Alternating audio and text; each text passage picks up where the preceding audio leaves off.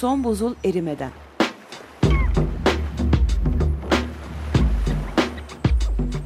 Küresel iklim değişikliğinin bilimsel gerçekleri üzerine.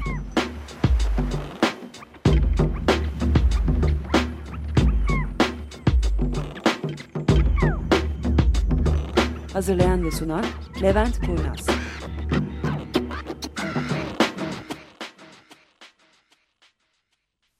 Herkese merhaba. Son buzul erimeden bu senenin son programında Açık Radyo'da. Açık Radyo'yu 94.9 frekansından ve internet üstünden www.açıkradyo.com adresinden de dinleyebiliyorsunuz. Bugün maalesef ben kendi başımayım. Ben Levent Kurnaz biliyorsunuz. Ee, öğrenciler hep söz veriyorlardı hocam gelip destek vereceğiz birlikte program yaparız diye. Ve kala kala yılın son programında ben yine kendi başıma kalmış oldum. E, programla ilgili herhangi bir soru sormak isteyecek olursanız iki tane Twitter adresimiz var. Önemli olan programın kendi adresi son buzul adresinden sorularınızı sorabiliyorsunuz. Benim önümde şu anda açık. Herhangi bir şekilde bir soru soracak olursanız program süresince ona da cevap vermeye çalışacağım. Bu programda iklim açısından 2013 yılının bir değerlendirmesini yapmayı umuyorum senenin son programı olarak. Ne kadarını becerebileceğimi bilmiyorum. Elimden geldiğince bu konuda konuşmaya çalışacağım. Çünkü o kadar çok olay var ki. Bu geçtiğimiz sene içerisinde meydana gelen bunları hepsini konuşmak çok kolay olmuyor. Sadece bu sebepten de belirli noktaları alıp önemli olan şeyler konusunda konuşmaya çalışıyorum. En önemlisine en sondan başlayayım esasında. Bu önemli nokta şu. Dünya iklim açısından çok hoş olmayan bir yöne doğru gidiyor. Ve bu konuda politikacılarımız ne yapıyorlar? Bir kere öncelikli olarak bizim e, Çevre ve Bakanlığımız biliyorsunuz çok konuyla Türkiye'de ilgileniyor. Ve en önemlisi çevre ve şehircilik olarak ikiye ayrılması gereken bir bakanlık. Yani çevre konularıyla şehircilik konuları aynı cümlenin içerisinde yer almaması gereken konular ama bizdeki bakanlıkların tamamı değişik şekillerde kurgulandığından burada ciddi sorunlarla karşılaşabiliyoruz. Yani bizim Çevre ve Şehircilik Bakanlığımız çok şehircilik az çevre bakanlığı şeklinde çalışan bir bakanlık olduğundan iklim ve çevre konularına bu sene boyunca çok fazla kafa yorulmadı Türkiye'de. Ee, dünyada da bundan çok ciddi farklı bir görüntü yok birkaç tane kötü ülke var saymamız gereken. Dünyadaki kötü ülkeler sıralamasında bu sene bir numarayı Kanada aldı.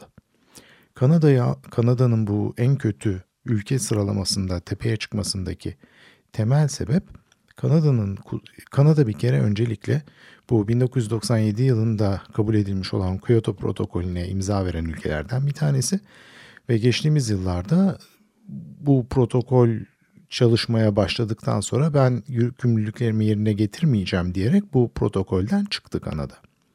Bunun arkasındaki temel sebep de Kanada'nın kuzeyinde Alberta eyaletinde e, kötü bir tür petrol var. Bu normalde bizim hani kuyu kazıp yerin altından çıkarttığımız petrol değil. Buna katran petrolü ya da katran kumulu her nasıl adlandıracaksak bunu çok fazla alışkın olduğumuz bir petrol türü değil. Yani bu yerin yüzeyinde bulunuyor ve zift katran karışımı bir nesne kumla karışım. Bunun içerisinden petrolü ayırıp bundan ham petrol üretmek, ondan da benzin falan üretmek çok baya zor bir olay. Yalnız yapılamayacak kadar zor değil.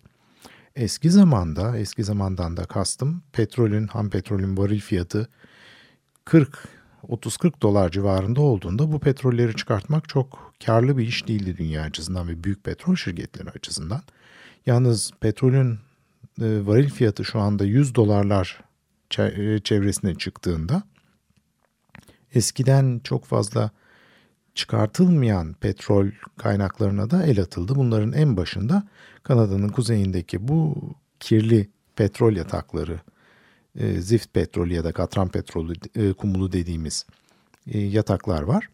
Ve Kanada buralardan petrol üretmeye başladığı anda kendisi Kyoto protokolü ile üstüne aldığı sorumlulukları yerine getiremeyeceğini fark ettiği için Kyoto protokolünden çekildi. Dolayısıyla kötü ülkeler listesinin başına ben Kanada'yı koyuyorum bu sene için. Ondan sonra ikinci kötü son zamanlarda yaptığı çok önemli bir atakla Amerika Birleşik Devletleri oldu. Amerika Birleşik Devletleri esasında çok fena gitmiyordu sene boyunca. Haziran ayında Amerikan Başkanı Obama bu konuda çok ciddi bir adım atarak bir iklim değişikliği eylem planı ortaya koydu bütün ülke için. Ve biz de bu eylem planının hani bir şekilde yerine getirileceği ya da insanların bu konuda bir şeyler yapacağını umuyorduk. Ya da en azından ben ben iyimser olmuş olabilirim. Kötümser olan çok insan var. Ve Amerika'da iki tane önemli gelişme oldu bu süre boyunca. Birincisi fracking denen bir yöntem var. Bu bildiğimiz doğal gaz hani kuyu kazarak çıkartabileceğimiz doğal gaz var. Bir de kayaların içerisine sızmış olan doğal gazın çeşitli yöntemlerle çıkartılması var. Buna fracking deniyor. Yani kayayı temelde parçalıyorsunuz ve onun içerisinde hapsolmuş olan küçük e, gaz par bölgelerini doğal gaz olarak e, yukarı çıkartmayı beceriyorsunuz. Bunun tabii en büyük kötülüğü yer sarsıntılarına neden oluyorsunuz. Her yaptığınız küçük patlamada ve yerin altında gayet böyle düzgün bir şekilde milyonlarca yıldır duran doğal gazı çıkarttığınız için uzun vadede de çok daha ciddi yer sarsıntılarına ve depremlere sebep olma ihtimaliniz var. Ve tabii bir de dokunmayın bu gaza dursun yerin altında. Yani iklim değişikliği falan oraya girmiyorum bile yani. Bunun öncesinde çok daha önemli problemler var fracking'de. Amerikan Başkanı Obama da bu fracking'e çok ciddi bir yeşil ışık yaktı geçtiğimiz aylarda. Yalnız tam senenin sonunda bununla kalsalar yeter diyeceğimiz bir noktada uzun süredir bütün çevre örgütlerinin karşısında olduğu bu Kanada'da çıkan katran petrolünü, katran kumulu petrolünü Amerika'ya taşıyacak olan bir boru hattını, Keystone XL denen boru hattının yapımına onay verdi diyelim rahat anlaşılması için. Bu da benim gözümde en azından Amerika'yı ikinci sıraya getirdi kötü ülkeler arasında. Bir de üçüncü ana kötü ülke Avustralya var. Avustralya'da iklim değişikliğinden çok ciddi biçimde etkilenen ülkelerden bir tanesi. Ee, özellikle Ocak-Şubat aylarında 2013'ün sıcaklıklar 54 dereceyi buldu. Avustralya'da bu korkunç bir rekor Avustralya açısından. Bir önceki sıcaklık rekorları 50 dereceler civarındaydı. Şimdi 54'e gelmiş olması yani sıcaklık rekorun 4 derece kırılması öyle yani %1, onda bir falan gibi değil. Ve normalde hani biliyorsunuz Avustralya güney yarımkürede olduğu için bizim kuzey yarımkürede kış mevsimi olduğunda onlarda yaz, bizde yaz olduğunda onlarda kış oluyor. Dolayısıyla da biraz söyleyeceğimiz laflarda şaşırmamak gerekiyor.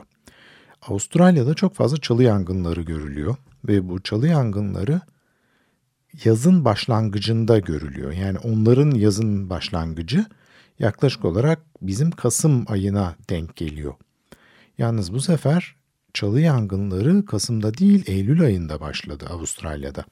Eylül ayına da düşünecek olursanız bizim Mart ayına denk geliyor yaklaşık olarak. Yani bizim için ya, bizim yazımız için Mart ayı neyse onların yazı içinde Eylül ayı aşağı yukarı aynı anlamda. Dolayısıyla hava öylesine sıcak ki Mart ayında kuruyan çalılar çok ciddi anlamda çalı yangınlarına sebep oldular ve Avustralya bununla çok uzun süredir baş etmeye çalışıyor ve gittikçe artan bir problem Avustralya için bu. Yalnız Avustralya geçtiğimiz yaz içerisinde yeni bir başbakan seçti ve bu başbakanın ilk işlemi iklim komisyonunu kapatmak oldu. İklim komisyonu yani Kanada şeyin Avustralya'nın bu konuda neler yapacağını planlayan komisyonu kapatmak oldu ilk işi. Ondan sonra da çok az bir karbon vergisi var Avustralya'da. Bu karbon vergisini kaldırmaya çalışmaya başladı. Dolayısıyla en kötü ülkeler sıralamasında 3. sıraya da Avustralya'yı koyuyoruz. Ancak bunun dışında bir de biliyorsunuz her sene Kasım ayının sonunda ya da Aralık ayının başında bütün dünya ülkeleri toplanıyorlar ve işte bu iklim konusunda neler yapmalıyız, neler yapacağız, bu problemi nasıl giderebiliriz şeklinde bir fikir alışverişi yapıyorlar ve bir takım anlaşmalar ortaya koymaya çalışıyorlar. Kyoto Anlaşması da yani Kyoto Protokolü de 1997 yılında yapılan bu toplantılardan bir tanesinin sonucu olarak ortaya çıkan bir anlaşma metniydi. Bu senede bu anlaş e, toplantı Bolonya'daydı ve tam bu iklim zirvesinden önce Birleşmiş Milletler'in Hatırlarsınız Filipinleri vuran bir Haiyan tayfunu vardı çok ciddi hasar veren ve bu Haiyan tayfunun hemen ertesinde yapılan bu görüşmelerden de hiçbir temelde benim görüşümle sonuç çıkmadı. Bunun arkasında yani bu görüşmelerin ilerleme noktasında 2015 yılında Paris'te düzenlenecek olan gene Kasım Aralık aylarında Birleşmiş Milletler İklim Zirvesi'nde bir sonraki iklim değişikliği anlaşmasının yapılması gerekiyor. Onun da hazırlıklarının şimdiden yapılıyor olması gerekiyor. Fakat dünya ülkeleri yani bu dediğimiz Kanada, Amerika, Avustralya'ya ek olarak geri kalan ülkelerde herhangi bir şekilde bir anlaşmaya yönelik bir çaba içerisine girmediler. Geçtiğimiz aylar içerisinde. Şimdi bu temelde politika kısmı bunun. Küçük bir müzik arası verelim. Ondan sonra biraz daha bilimsel kısımlarını konuşmaya başlayacağız. Müzik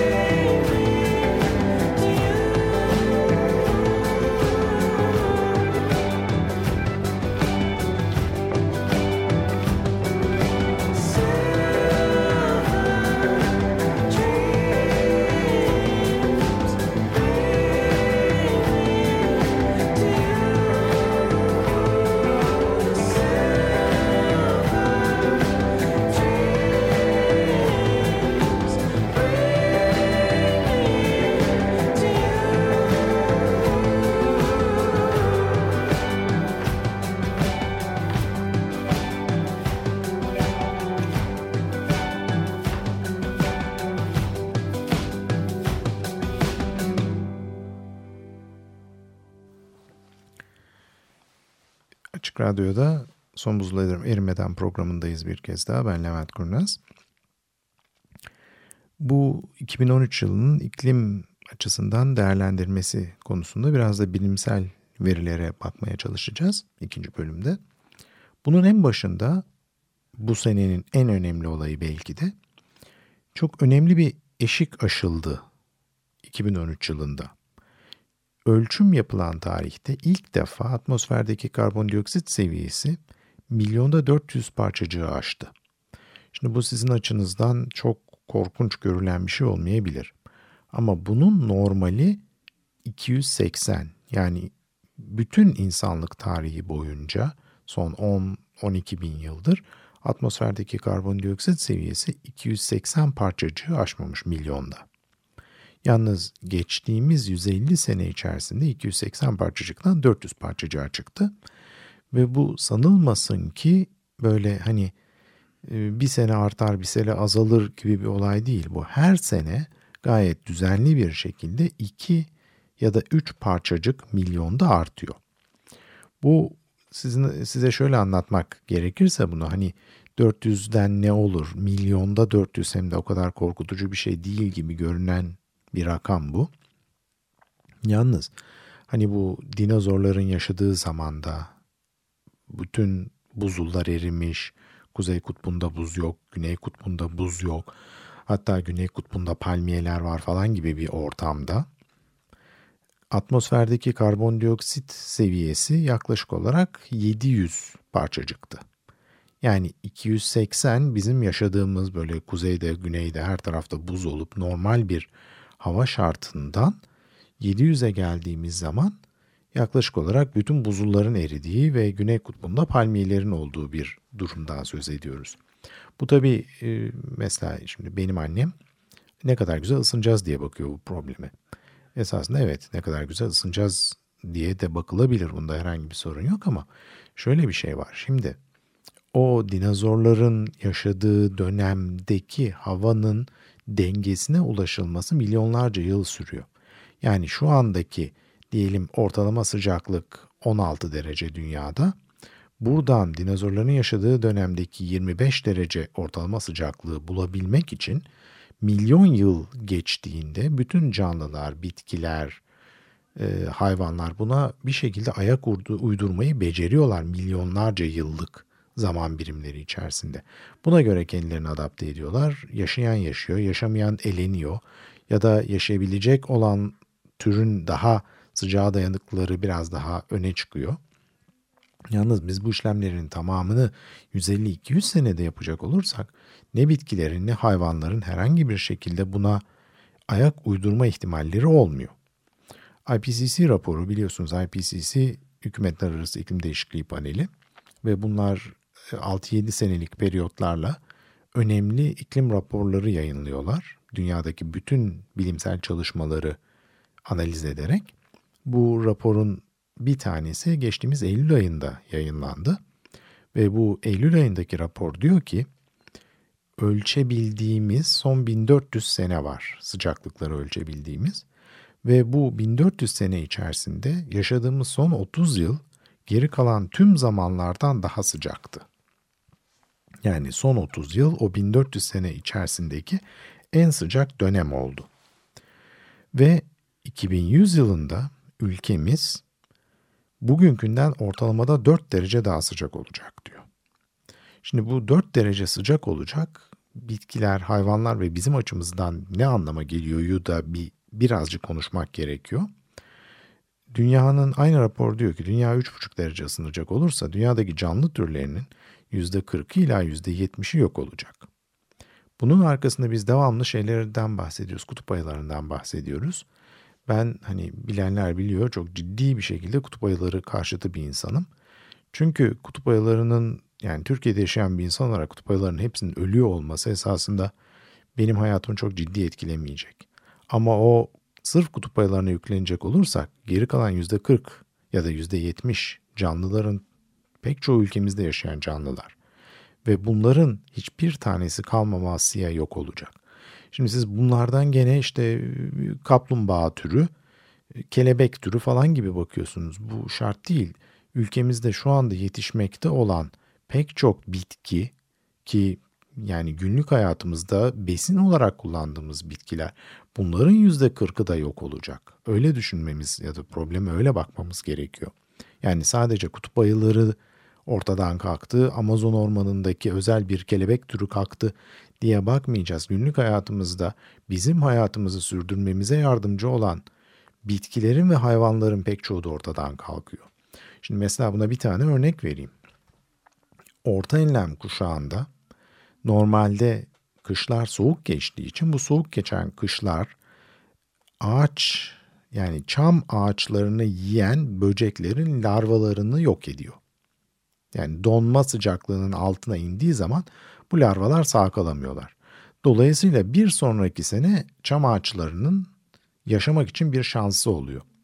Yalnız sıcaklıklar sıfır derecenin altına inmeyecek olursa bu larvalar sağ kalıyorlar. Sağ kalırlarsa da Bir sonraki sene daha kuzeye çıkabiliyorlar. Gene ölmeyip biraz daha kuzeye çıkıyorlar. Bu şekilde yani dünyada şu anda çok ciddi bir problem var çam ağaçlarının neredeyse yok olması. Şimdi biliyorsunuz ormanlar hepimizin ciğeri. Biz bunlarla nefes alıyoruz ve oksijenimizi bunlar sağlıyor bizim ve ormanların tamamı gidecek olursa bu ve benzer problemlerle bu bizim açımızdan çok ciddi bir sorun. Burada yani şeyi unutmayalım yani ormanlara kendi başına bir şey olacak değil ama ormanlara zarar veren mesela bir canlı türünün normalde hava soğuk olduğunda ölmesi gerekirken hava ısındığında ölmemesinden dolayı ormanlar yok oluyor. Benzer şekilde Akdeniz'de biliyorsunuz çok ciddi denizde bir iki tane temel problem ortaya çıkmaya başlıyor. Her geçen gün biraz daha fazla. Daha doğrusu üç problem de iki tanesi e, bu konuyla biraz daha yakından ilgili. O da suyun sıcaklaşmasıyla beraber iki tane özel tür Akdeniz'de yayılma imkanı buldu. Bunlardan bir tanesi bayağı oksijeni emen yosunlar, diğeri de deniz anaları. Yani eskiden tamam mesela deniz anası Marmara'da bol görülen bir nesneydi ama nerede görüldüğüne bakarsanız bir şekilde hani bir atık su tesisinin çevresinde yani denize boşaltılan bir pis su varsa bunun çevresinde çok fazla deniz anası vardı. Yalnız şu anda denizin her tarafında bu deniz analarını bulmaya başlıyoruz. Ve neredeyse hani balıkçılar denizden çıkarttıkları balık kadar deniz anası da denizden çıkmaya başlıyor. Bu çok ciddi bir sorun. Çünkü bunlar balıkların e, normalde yedikleri besin için balıklarla savaşıyorlar ve balıklardan biraz daha dayanıklılar iklim değişikliğine de suyun ısınmasına karşı. Dolayısıyla bu çok ciddi bir sorun oluşturuyor özellikle Akdeniz'de. Ve tabii Akdeniz'deki balık miktarının ne kadar azaldığı konusunda bir şey söylemeyeceğim. Zaten biliyorsunuz yapılan kampanyaları bu konuda. Hani lüfer olana kadar bekleyin.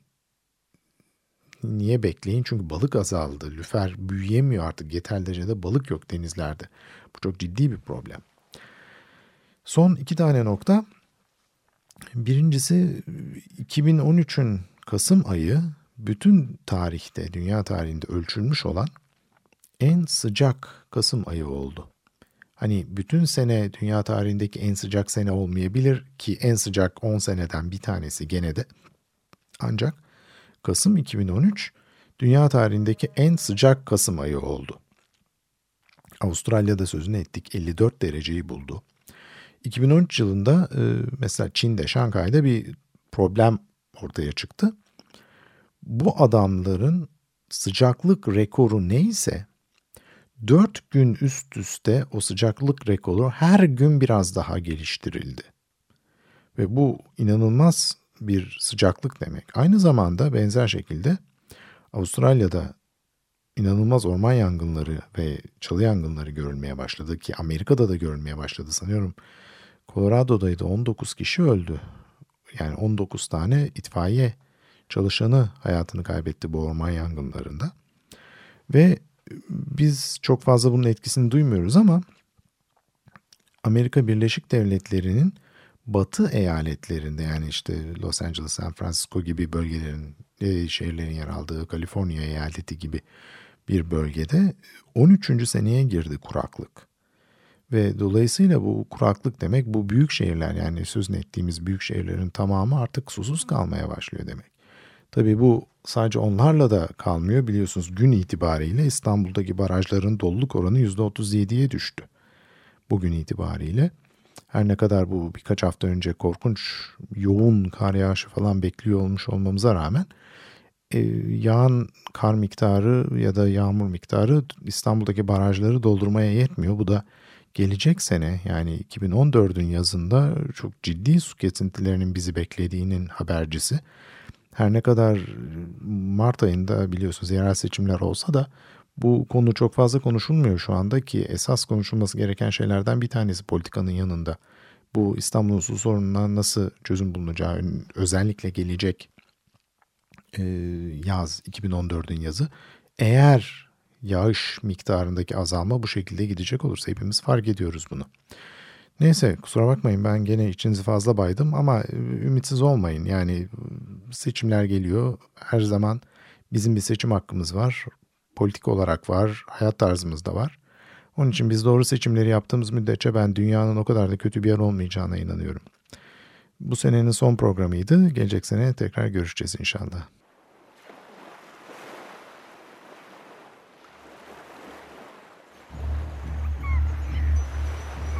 Son buzul erimeden.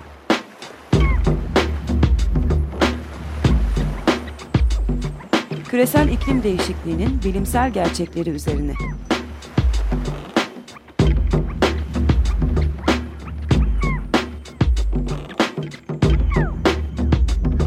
Hazırlayan ve sunan Levent Kurnaz.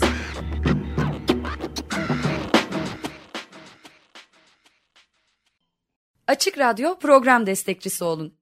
Bir veya daha fazla programa destek olmak için 212 alan koduyla 343 41 41